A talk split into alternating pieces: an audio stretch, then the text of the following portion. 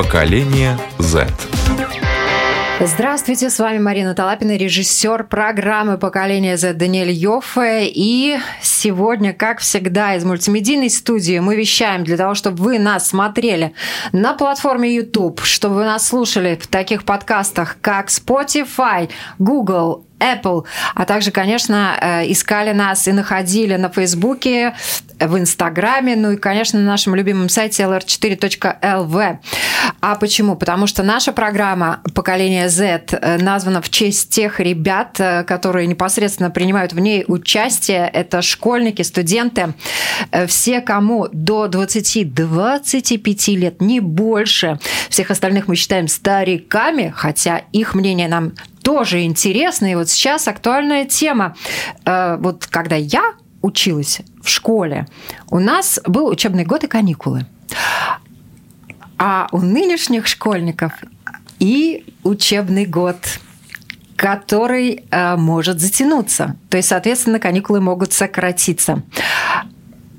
И появилась такое понятие, как удаленка. Именно по этой причине, собственно говоря, учебный год и может затянуться. Э, представители Министерства образования э, считают, что есть в удаленке и плюсы. Например, э, можно научить школьников учиться самостоятельно. Родители, если не вешаются, то на грани нервного срыва. А многие подчеркивают, что э, время на удаленке ребятами потрачено впустую, ну а учителя, собственно говоря, не готовы, поэтому детям материал осваивают плохо. Мы решили узнать, что думают сами школьники, и назвали сегодняшнюю нашу тему программы «Я туплю на удаленке».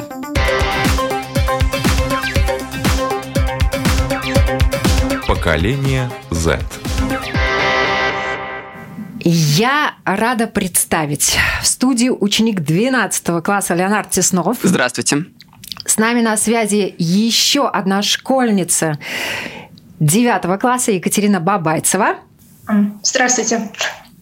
А также у нас сегодня в гостях Ангелина Хивцова, которая закончила в этом году школу дистанционно и поступила в ВУЗ и учится на первом курсе по программе «Компьютерный дизайн». Всем привет! Мы очень хотели, чтобы с нами э, в дискуссии приняли участие учителя и пригласили их, но, к сожалению, проблемы со связью, а, поэтому мы надеемся, что э, учительница, которую мы пригласили, обязательно к нам подключится, но пока она не подключилась, э, я хотела бы дать слово родителям. Правда, ну куда без них? У нас есть разговор, записанный с одной из мам, которая столкнулась с удаленкой, вот, и у которой наверняка глаз дергается, когда она слышит это слово. И она своим опытом и мнением э, с нами поделилась. Это мама мальчика, который учится в четвертом классе. Зовут ее Таня Бас. Давайте послушаем.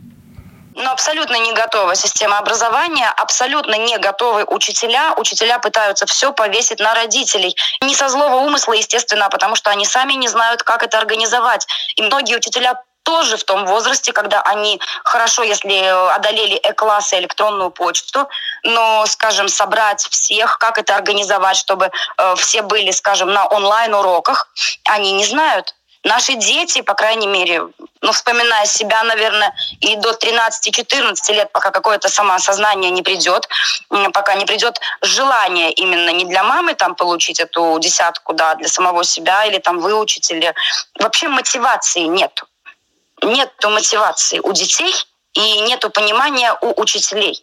И с удаленкой это вообще получается абсолютнейший бардак. Да. Ну вот у меня определенный ребенок. У меня ребенок с э, СДВГ. Да, это дефицит внимания, и при этом у него очень высокий IQ, да, и он сам по себе очень э, умный, очень эрудированный, начитанный, у него врожденная грамотность, он прекрасно пишет, э, шикарная память, но СДВГ – это ну, вот, синдром гиперактивности и дефицита внимания. И такому ребенку удаленное обучение. Хорошо, можно все это положить на плечи мамы, если мама сидит дома, красит ногти. Если мама пашет, как волк, как я, например, на двух работах, посуточно и по 12 часов. Ну, как это организовать? Пускай мне хотя бы кто-нибудь расскажет. Или, может, если э, я своего ребенка обучаю, надо мне, может быть, доплачивать. Тогда я постараюсь хотя бы там вникнуть в материал э, для того, чтобы корректно как-то объяснить это своему ребенку, да. То есть я не понимаю действительно, как это работает. Почему работы стало больше у меня, а где мое все? А зарплаты получают учителя за то, что они придумали, какие задания сегодня я должна выполнить. 35-летняя женщина, да, которая, в принципе, вот сама вникает, как объяснить, э, как выполнить так, чтобы правильно и так, чтобы еще и хорошую оценку получить, потому что у нас оценки важная составляющая. Так что вот, вот как-то мнение на данный момент такое. Я с ужасом, просто с ужасом представляю, что если мне придется еще раз это пережить. Я не готова, я не хочу обучать своего ребенка. Для этого есть школы, для этого есть образовательные учреждения. Если бы я хотела обучать своего ребенка на дому, то я бы обучала его на дому самостоятельно при помощи репетиторов. Или там сама, если бы я умела это делать. У меня приятельница, у нее дети учатся дистанционно. Вот у нее сын и дочь, у них темперамент другой, характер другой. Сама эта моя приятельница такая более спокойная, скажем, да, и темпераментом, и а, сфера деятельности у нее поспокойнее, чем у меня. У нее э, оба ребенка абсолютно никак от этого не пострадали, у них ничего не изменилось, и они точно так же программу свою вот эту вот получали, как и получают. Дети должны быть готовы к этому. Может быть, ее дети были к этому готовы. Мой ребенок, если ему дать компьютер, и я уйду на работу на 12 часов, он будет целый день тупить в компе. Все. Но я не хочу, чтобы мой ребенок скатывался по учебе. Я не хочу, чтобы мой ребенок терял знания, которые ему полагаются. И при этом я не хочу, чтобы у меня были бессонные ночи тоже. Просто не потяну, но у меня будет нервный срыв. Ну, для, для меня это непосильная ноша.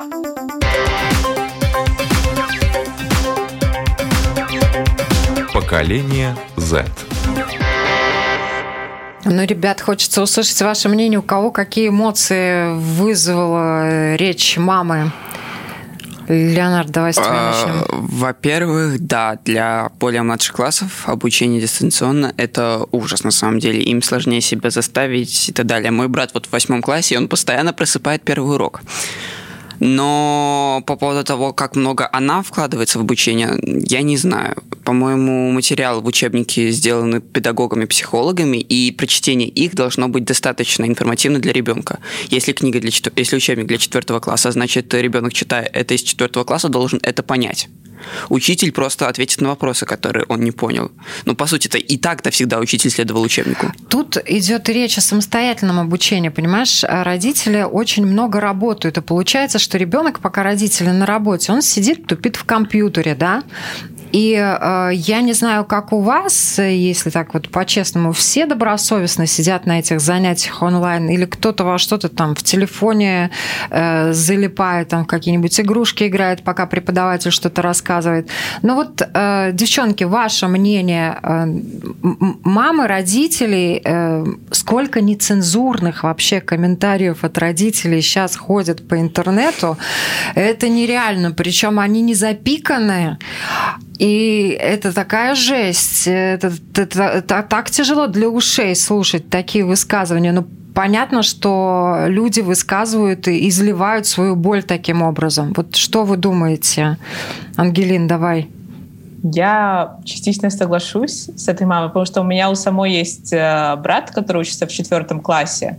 И у них э, с этой недели тоже сделали дистанционно. До этого же разрешали, ну, наверное, и сейчас разрешают. Просто, видимо, школа сама приняла, решение сделать, перевести четвертый класс э, на дистанционное обучение. Но ему это дается достаточно сложно. Ну, если, допустим, мы, э, я, я живу с папой, э, и если папа не уделяет учебе должного внимания, то да, он, э, э, мой брат э, прокрастинирует и там играет в Roblox и Fortnite и все что угодно делает, только бы не, не выполнять домашние задания. И причем пока что, насколько я понимаю, у них даже нет этого формата онлайн а, уроков, где ты напрямую сидишь с учителем, и он тебе говорит, что делать. Тут как будто бы больше самоорганизации. Тебе присылают файл с заданиями, заданиями, и ты это делаешь. И тут я согласна, что это, по крайней мере, я вижу то, что для моего брата это не подходит, Я не знаю, какому проценту младших школьников ну, такая структура урока подходит. Но... Ну вот я общалась с психологом а, буквально накануне, и он тоже сказал, что далеко не все дети, очень маленький процент детей, а, чем младше, тем этот процент меньше, а, готовы к такому, к такому обучению, да. Вот мне хочется услышать также, конечно, Катю. Катюш, как тебе удаленка дается? А, лично мне дается довольно сложно, так как я в последнее время начала замечать, что я довольно часто отвлекаюсь на какие-то на телефон, на социальные сети.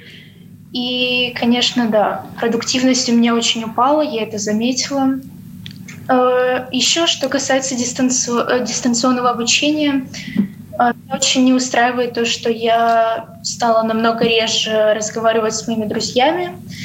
То есть я человек, который, которому нужно общение, и сейчас это стало намного сложнее. То есть мы, мы пытаемся, конечно, как-то созваниваться и вот на Zoom-конференциях, но, конечно, это не то. Это не живое общение, и для меня, для меня очень важна поддержка моих э, друзей, э, родителей, и, конечно, дистанционное обучение немного мешает этому. Ну, ты вот э, затронула очень э, важный момент, да, нет э, общения живого, да, и вот я так сегодня представляла, это все равно, что на физкультуре 100-метровку бежать не на стадионе, где 5 дорожек вместе, да, и соревновательный дух такой какой-то тоже присутствует. Это все равно, что каждый бежит эту 100-метровку около своего дома на время один, и вообще без кого-либо, кто нажимает на секундомер, кто стреляет в пистолет, но это э, такое достаточно немножечко... У меня именно такая же ситуация на самом деле. А, по... Ты бегаешь 100 метровки без секундомера. Тест Купера надо бежать по спорту, и обычно мы бежим всем классом, а сейчас надо одному бежать, рассчитать эти три километра и засчитать, и посчитать время, да. Но на самом деле это ужасно, как то, что не хватает общения. Я обычно во время школы, я почти с друзьями не гуляю, ну, потому что большинство людей, с которыми я общаюсь, все из школы. Там я пообщался, пришел домой, нормально. Почти что 8 часов с друзьями провел, терпимо. А сейчас я почти что все время сижу дома, надо договариваться, когда встретиться. Постоянно еще переписывайтесь, и переписывайтесь больше, чем обычно, потому что много необговоренных тем, потому что вы не видитесь вживую. Да, то есть написать, писать научились, да? Шутка. Ну, вот я хочу специально э, пока отделять дистанционное обучение, которое предлагают некоторые школы, да, и удаленку, хоть ее в народе так и назвали. По сути, это одно и то же да, но есть школы, которые к этому готовились, которые писали программы, да, и есть школы, их большая часть в нашей стране. Я думаю, что в других странах тоже, которые оказались в этом году э, в ситуации, когда они вынуждены удаленно обучать своих детей из-за COVID-19. Я хочу для начала, чтобы Ангелина поделилась своим опытом, потому что ты сознательно перешла на профессиональное дистанционное обучение за год до поступления в ВУЗ. Как оно было, что тебе понравилось, что тебе не понравилось? Это не было профессиональное обучение, это было просто 12 класс, э, а, обыкновенное среднее образование. Я перешла сознательно э, последним, на последнем году обучения.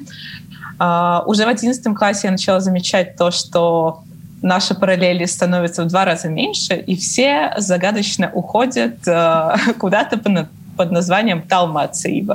И все учителя подкалывают этих людей и недолюбливают, и все такое. Но в какой-то момент я для себя поняла, что, правда, мне не очень нравится вся, весь антураж школы, когда в 12 классе ты воспринимаешь себя как совершеннолетнего взрослого человека, но твоя учительница а, говорит то, что твоя тетрадка — это не твоя тетрадка, а ее, и там надо отступать две клеточки справа, три клеточки слева и писать только ручкой а, темно-синего цвета или как-то так. Ну, в, в общем, у учителей есть очень такие консервативные, совершенно бессмысленные установки, которые э, всем ученикам, большинству, ладно, большинству учеников усложняет, усложняет жизнь.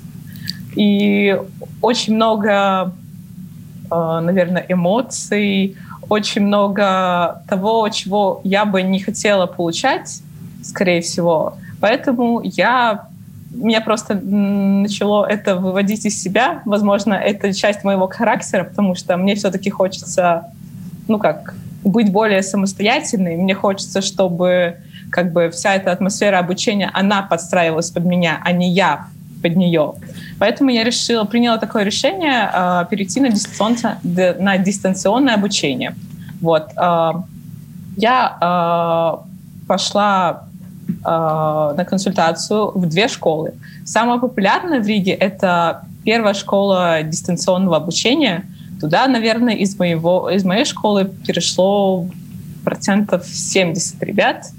Наверное, потому что там есть возможность учиться на русском языке. Меня, для меня это не было главным приоритетом. Я пошла, я поняла, что ну, как-то мне это не нравится — и э, решила пойти еще э, в Риге Сталмацибас видеоскола, где я и осталась на следующий год. Обучение проходило так, что раз в месяц э, нужно было просто сдавать контрольные, и это, в принципе, все твои обязательства для, э, для школы.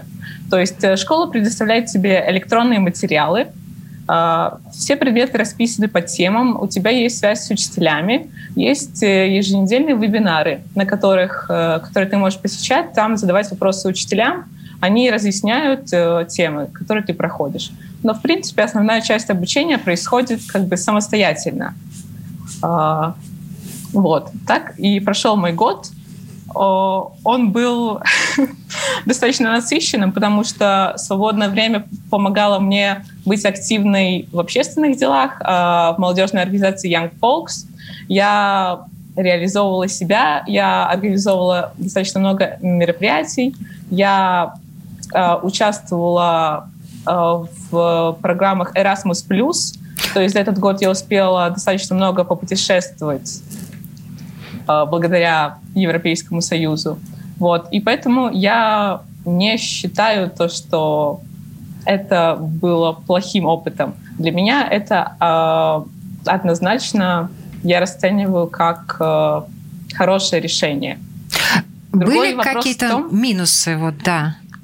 Да, минус, э, минусы могут быть в том, что это все-таки подходит не для всех. Здесь нужно четко понимать, что ты сам, для чего тебе это нужно, и то, что ты, э, тебя тут никто не будет заставлять. Тебе могут позвонить, если ты три месяца или два месяца не сдаешь контрольную работу, но в целом все обязательства и вся, ага, вся ответственность на тебе. То есть многие переходят, потому что им просто лень там делать домашку, и поэтому они думают, окей, я там буду учиться в Талмацибе, будет все отлично. И, ну, я не знаю, как они заканчивают. Но в итоге они, может быть, не получают диплом? Нет, ну, э, все же э, в результате все пишут одинаковый экзамен. И те, кто учится э, в обычных школах, и те, кто учится в Талмациле. Это, наверное, э, это второй раз, когда я пришла в свою школу в 12 классе, это когда я писала экзамен. Второй, третий, там, четвертый раз на всех экзаменах. Вот. И, конечно, здесь зависимости от того, какие результаты вам нужны. Если вы планируете поступить на бюджет, то, конечно, весь год просто э, потерять, ничего не делать и не учиться, это кардинально скажется на экзамене.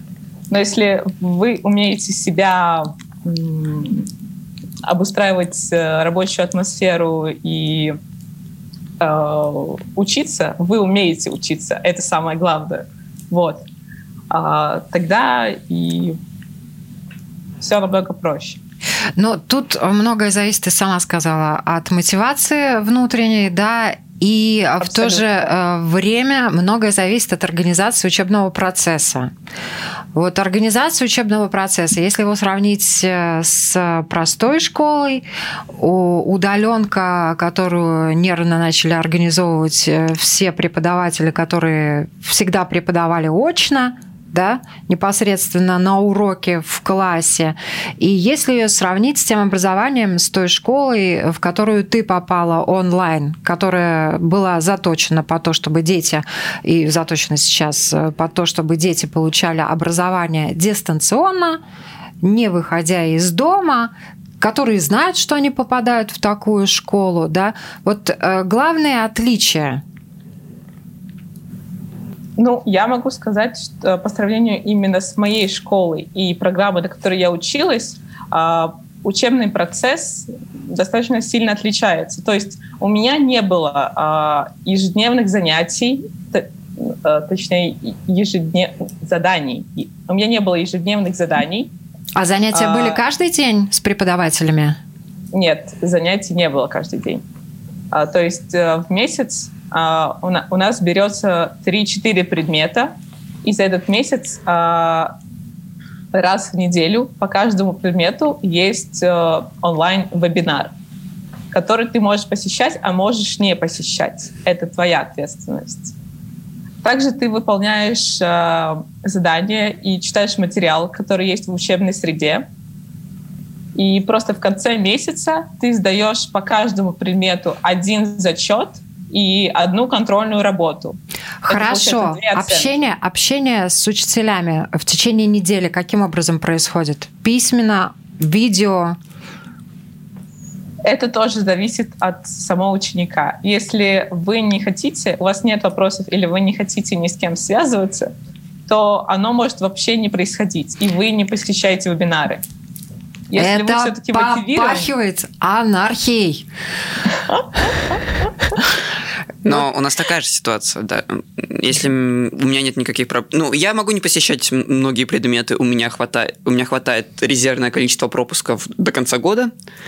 А, и если я, к примеру, у меня, меня все устраивает, меня оценки, тогда мне тоже не надо связываться с учителем никак.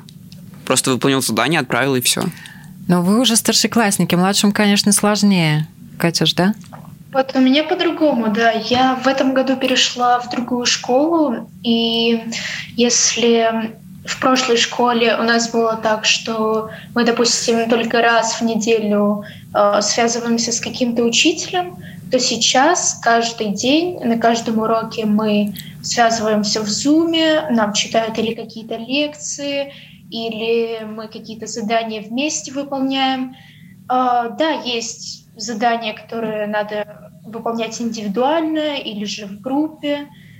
Uh, то есть вот я очень-очень заметила, какая все-таки разница именно вот в моей прошлой школе и в школе, в которой я э, сейчас учусь. Да, и на самом деле мне сейчас э, намного больше нравится, потому что учителя придумывают очень-очень интересные задания, то есть у них появляются какие-то новые идеи. То есть нам надо, например, снимать какие-то видео по, э, там, по биологии, а, по математике мы делаем какие-то такие задания, которые бы мы ну, никогда не сделали в школе, именно вот когда мы физически туда идем.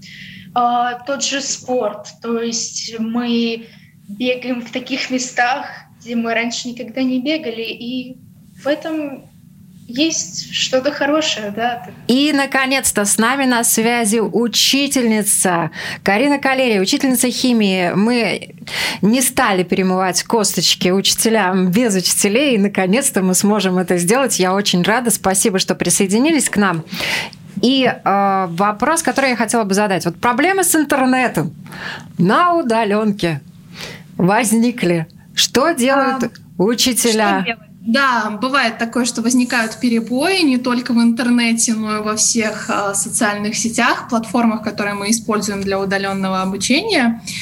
Э, ну что делать? Выкручиваться кто как может с телефона, э, сразу писать э, детям, выходить на связь с другими способами, придумывать задания вместо онлайн-урока, э, присылать. Давать ссылки на какие-то ресурсы, то есть выкручиваемся как можем хочу обратить внимание, что достаточно часто бывают такие проблемы.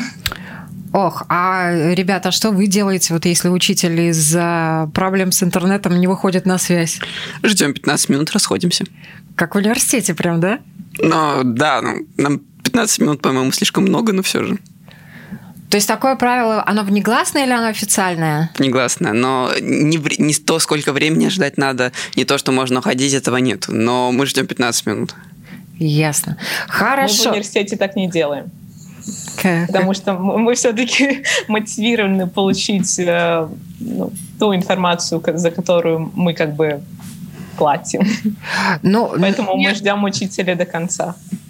Как учитель тоже могу обратить внимание на то, что сегодня один класс прождал меня 40 минут, и когда я вышла в онлайн, все дети были, все ждали. Поэтому это действительно зависит от э, класса, от учеников. Но я думаю, от учителя тоже зависит. Тут Просто многие родители э, за этот год э, зубы сточили. Мы уже давали один комментарий мамы, которая просто бедная на двух работах работает, и ей надо заниматься тем, чтобы готовить, помогать ребенку задания, которые ему присылают, они не вписываются э, в сроки, и она получает от э, учителей обратную связь нехорошую, которые ругают ее, что же вы не прислали домашние задания и так далее. И тут возникает очень много вопросов э, в связи с тем, как учителя вообще, насколько учителя готовы были к удаленке те, которые преподают в простых школах?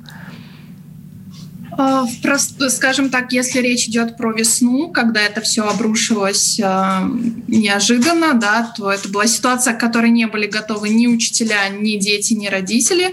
Было очень сложно, потому что не было ни алгоритмов разработанных, что мы делаем, как мы делаем, проводим мы онлайн-уроки, не проводим мы онлайн-уроки. Старшее поколение пугалось технологий, и для них там выйти со второй недели э, вдруг в Zoom, подключиться с камерой, камерой освоить это все казалось нереальным.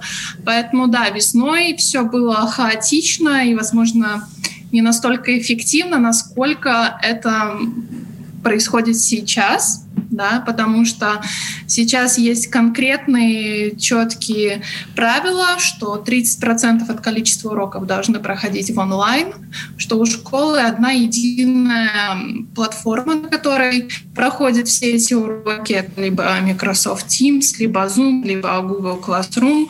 Учителя ну, у них не было выбора, да, я конкретно про свою школу могу сказать, что Сейчас у нас больше проблема нехватки портативных компьютеров с камерами и микрофонами, потому что учителя борются за эти онлайн-уроки. То есть они подсели на то, что им проще выйти в сеть, э, в онлайн, рассказать дать задание, ответить на вопросы в рамках своего рабочего времени на уроке, нежели вернуться домой и разгребать тонну э, писем в электронном журнале.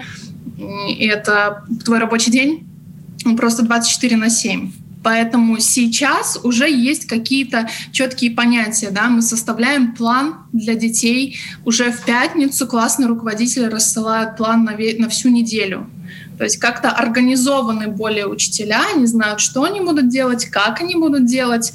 И, соответственно, я считаю, что осенью, в этот осенний семестр, все гораздо налаженнее и лучше. Конечно, везде бывают исключения.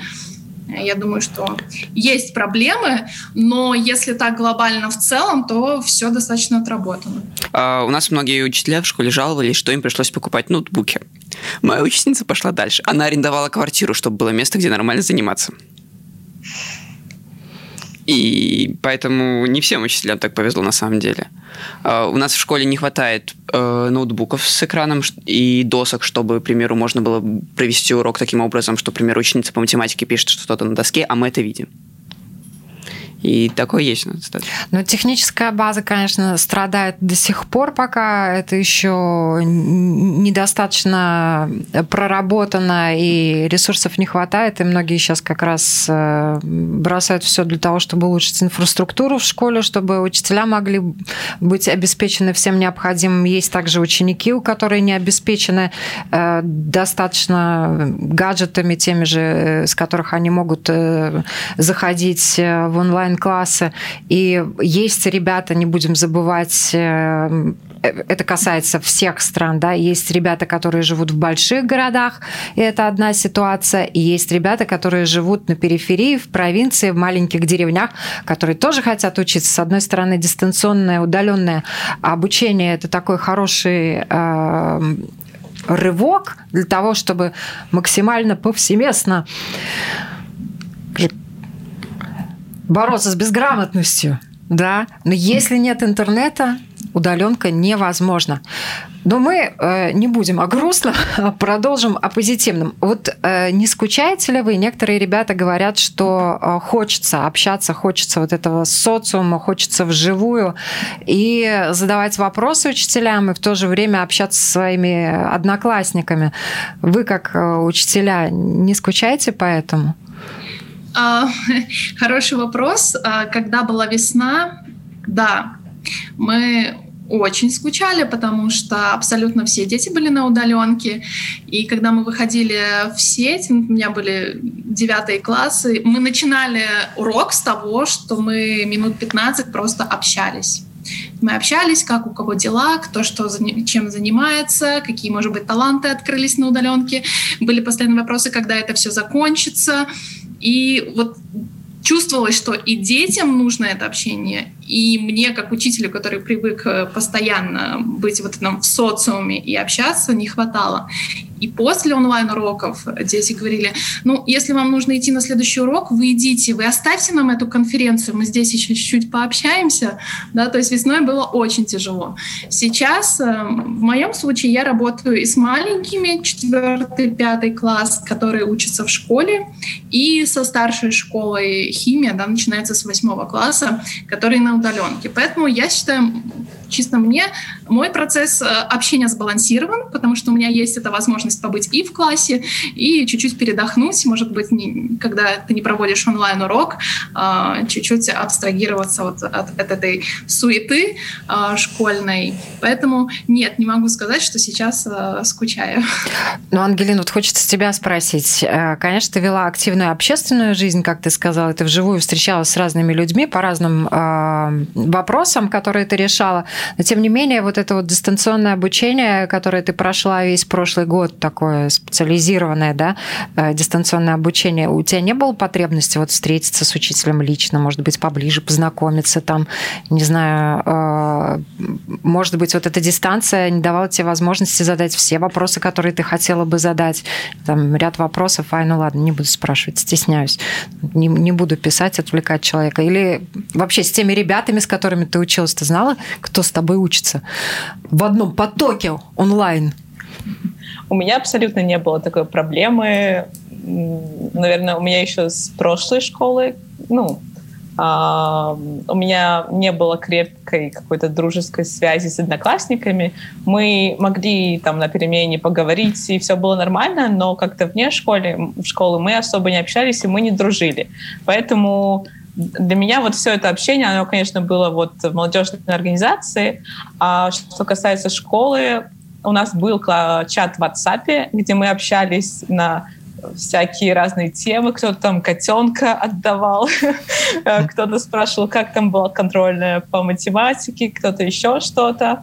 А так, конечно, а, в первый раз большинство людей я видела на консультациях э, перед экзаменами и на самих экзаменах.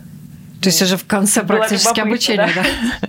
Да, да, да. У всех есть свои группы. У учеников есть свои группы, чаты, у учителей, наверное, тоже. У родителей точно есть свои чаты. И они сейчас дружно там все звуковые файлы, цензурные и нецензурные, выкладывают в интернет. Вот. Да, часто, часто еще у учеников есть даже две группы. Одна группа, где все и учитель, и другая группа, где просто все, но без учителя. Да, такое есть. А у учителей есть группа, где они все и директор, и, или они все и без директора? А, нет, есть группа с директором а, педагогов, а есть отдельный чат а, кафедры, то есть, допустим, там у языковиков, у естественных наук, там, а, такие чаты. Есть у учителя чат с родителями, причем у родителей есть еще и чат без учителя. И такой же, так как я классный руководитель, у меня есть э, чат с детьми. И я знаю, что у моего класса есть еще чат, где меня нет, потому что когда был только чат с учителем, там было абсолютно все. И дети сейчас настолько продвинутые, что они не печатают сообщения, они надиктовывают аудио сообщения, посылают, и мне было настолько трудно отфильтровать, где та информация, которая адресована мне, и где ее нет, что приходилось прослушивать сотни всех этих сообщений, поэтому у нас есть чат исключительно вот э, с учителем на какие-то строго определенные темы, и есть отдельные. Да, этих чатов на самом деле очень много. А что писали ребята? Не учителю. Вас что-нибудь шокировало, нам, удивляло? Нам классная руководительница не дает, не разрешает туда писать после шести, без особой надобности, э, и обсуждать что-то не связанное с нашим классом. Типа, если, если мы пишем туда, то это подразумевается что-то связанное с ней. Ну, это если учителем. А мне хочется вот этот общий чат, который был э, и с учителем, и не с учителем, куда дети писали все. О чем они там трепались. Uh, но у меня маленькие дети, да, uh, четвертый класс, поэтому у них актуальны тиктоки, uh, как снять видео получше в тикток. Еще они играют, я несмотря на то, что молодая, я немножко не в теме, но есть какие-то онлайн-игры, у них там какие-то стратегии, пароли, и вот это в перемешку, кто-то в этот момент делает домашнее задание, надиктовывает, помогите решить математику, кидает какие-то примеры, параллельно тут идет «Не мешай, у нас тут ТикТок», и когда у тебя и так в электронном журнале куча писем, у тебя WhatsApp родительский, WhatsApp учительский, WhatsApp с детьми, где просто за полчаса приходят по сотне сообщений, ты понимаешь, что все, нужно ставить границы, так продолжаться не может. Девчонки, а вы о чем переписываетесь в этих общих чатах? В принципе, жалуемся на какие-то свои личные проблемы, жалуемся, как мы там переживаем это все, все дистанционное обучение. Та же самая домашняя работа тоже пытаемся друг другу помогать, потому что я заметила, что по некоторым предметам задают, конечно, побольше, чем обычно, и приходится как-то объединяться в группы, чтобы было проще. И на самом деле это тоже Списываете хороший... через интернет, я правильно понимаю? Конечно. И во время школы физически тоже списывали. Просишь домашку или контрольную во время контрольной, и все тебе кидают. Всегда причем. Но онлайн классно, да? Да, очень на самом деле классно. Все начинают. Ctrl-C и все в порядке. Во-первых, у нас контрольные теперь не 40 минут, а 50 как минимум. И, пример, а если ее разбили, к примеру, то, что можно решить весь день, кто-то решает утром физику, делится. Если, к примеру, параллель уже решила ее, и у них уже есть ответы, то они нам их кидают, и мы совместно решаем. Секреты, ну, Леонард. Ну, да ладно, уже и так все об этом знают. И так знают. А вот, это, вот этот поток, нереальное количество этих смс, ребят, вы, вы все читаете смс? Вы все прослеживаете, что не получилось? Ну, обычно там есть два варианта. Первый там идет э, перемываем кости учителям. Э, обычно сразу в этом участвуешь, либо проскролливаешь вниз и спрашиваешь, что произошло. А если что-то ценное, то все равно можно переспросить, тебе перешлют обратно, где это было. Ну, тут, конечно, наверное, встает на первый план вопрос мотивации. Если учиться хочешь, то, наверное, учиться будешь. Я, я стал делать на дистанционке больше, чем обычно. Серьезно? А, да, я стал выполнять все домашние задания. Да ладно. А, кроме спорта. Теперь э, со спортом у меня нереальные проблемы, а все остальное я выполняю. У меня стали оценки лучше по литературе, э, математику я стал больше уделять внимание, поэтому я, на меня даже это лучше повлияло. Угу. То есть главный акцент сейчас вообще на саморазвитие, да? Как у вас? Все делаете? Да, я стараюсь сделать все, но, конечно, конечно, иногда бывает то, что отвлекаюсь на те же самые чаты, да, то есть чтобы всегда быть в курсе, что происходит. Это, конечно, отвлекает немного. Но в целом, да, я согласна с Леонардом. У меня тоже улучшились, улучшились и оценки, и даже с некоторыми учителями отношения, то есть э, мы как-то стали друг друга больше поддерживать, потому что, ну, все-таки сложно, сложно одному все это преодолевать. И, конечно, без поддержки никак. А задолженности бывают? Конечно, теперь их, правда, удобнее сдавать. Можно ночью написать и утром скинуть, а учитель только утром проверяет. Мне, к примеру, учительница по литературе совсем недавно писала по поводу, как спрашивала, как она, как она хочет, чтобы, я ей, чтобы она мне выставляла оценки, если у меня нет домашней работы. Именно в тот момент, когда я ее отправлял. Угу. Прекрасно, по-моему. А, ну, иногда файлы не открываются, тоже проблема, да. Вот э, хочется спросить, вообще задолженности больше стало у детей по домашним заданиям? Или нормально справляются, более усердно работают?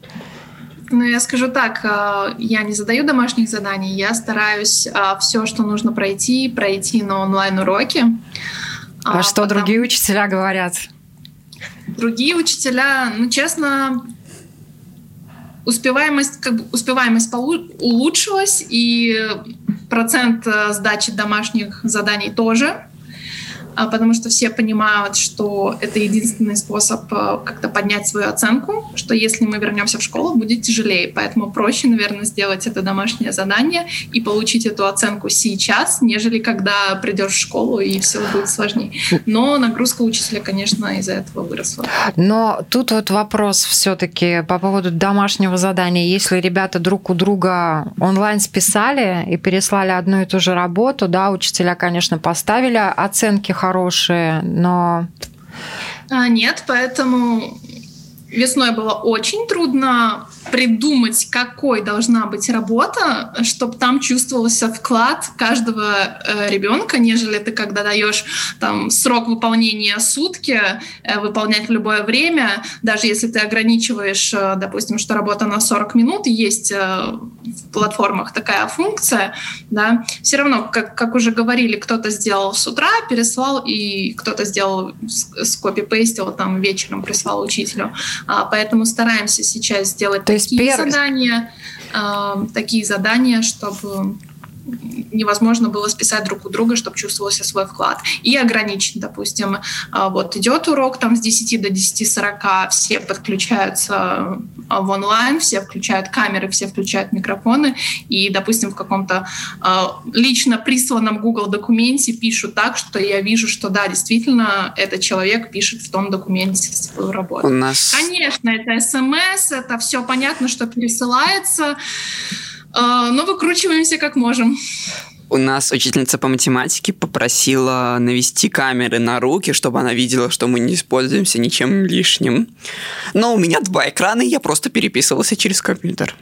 Ага. Ну вот все равно всякие разные технические хитрости существуют, да. и они помогают ребятам. Но, наверное, все равно это как-то стимулирует, э, и какие-то знания, может быть, остаются. Ну вот в итоге удаленка Сейчас. Это а, хорошо? По-моему, это прекрасно. Есть возможность э, учиться лучше, тем более для старших классов. Да, для младших с первого по шестой, как было сначала, это крайний излишек. Э, многие родители страдают, но для более старших классов это вполне возможно. Но надо придумать, как ограничить возможность их э, играть в всевозможные игры, потому что когда мой брат играет во время работы по русскому, мне это не очень нравится. Даже тебе это не очень нравится. А потом он еще и будет возмущаться, что плохие оценки. Я буду сидеть с ним до 11 часов ночи, издеваться над ним, чтобы он запомнил математику. Поэтому мне это терпеть. Кать, твое мнение, резюме.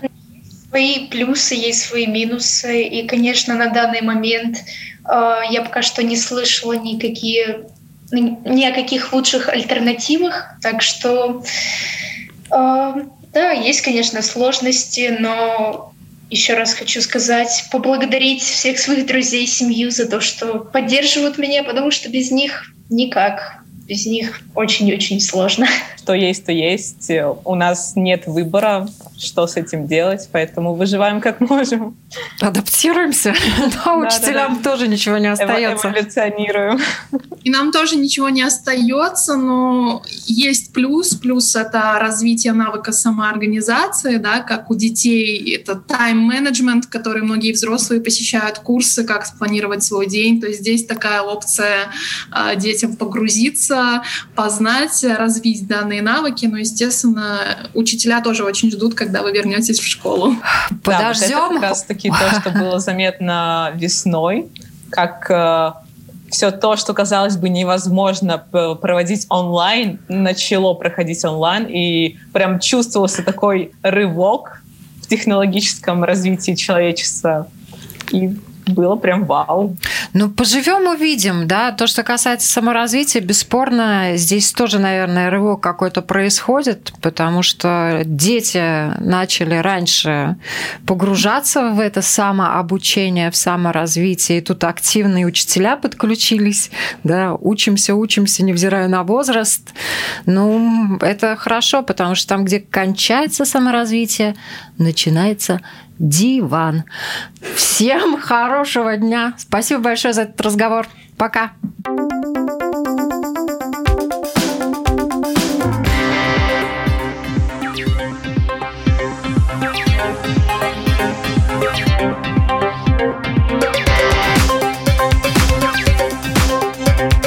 Поколение Z.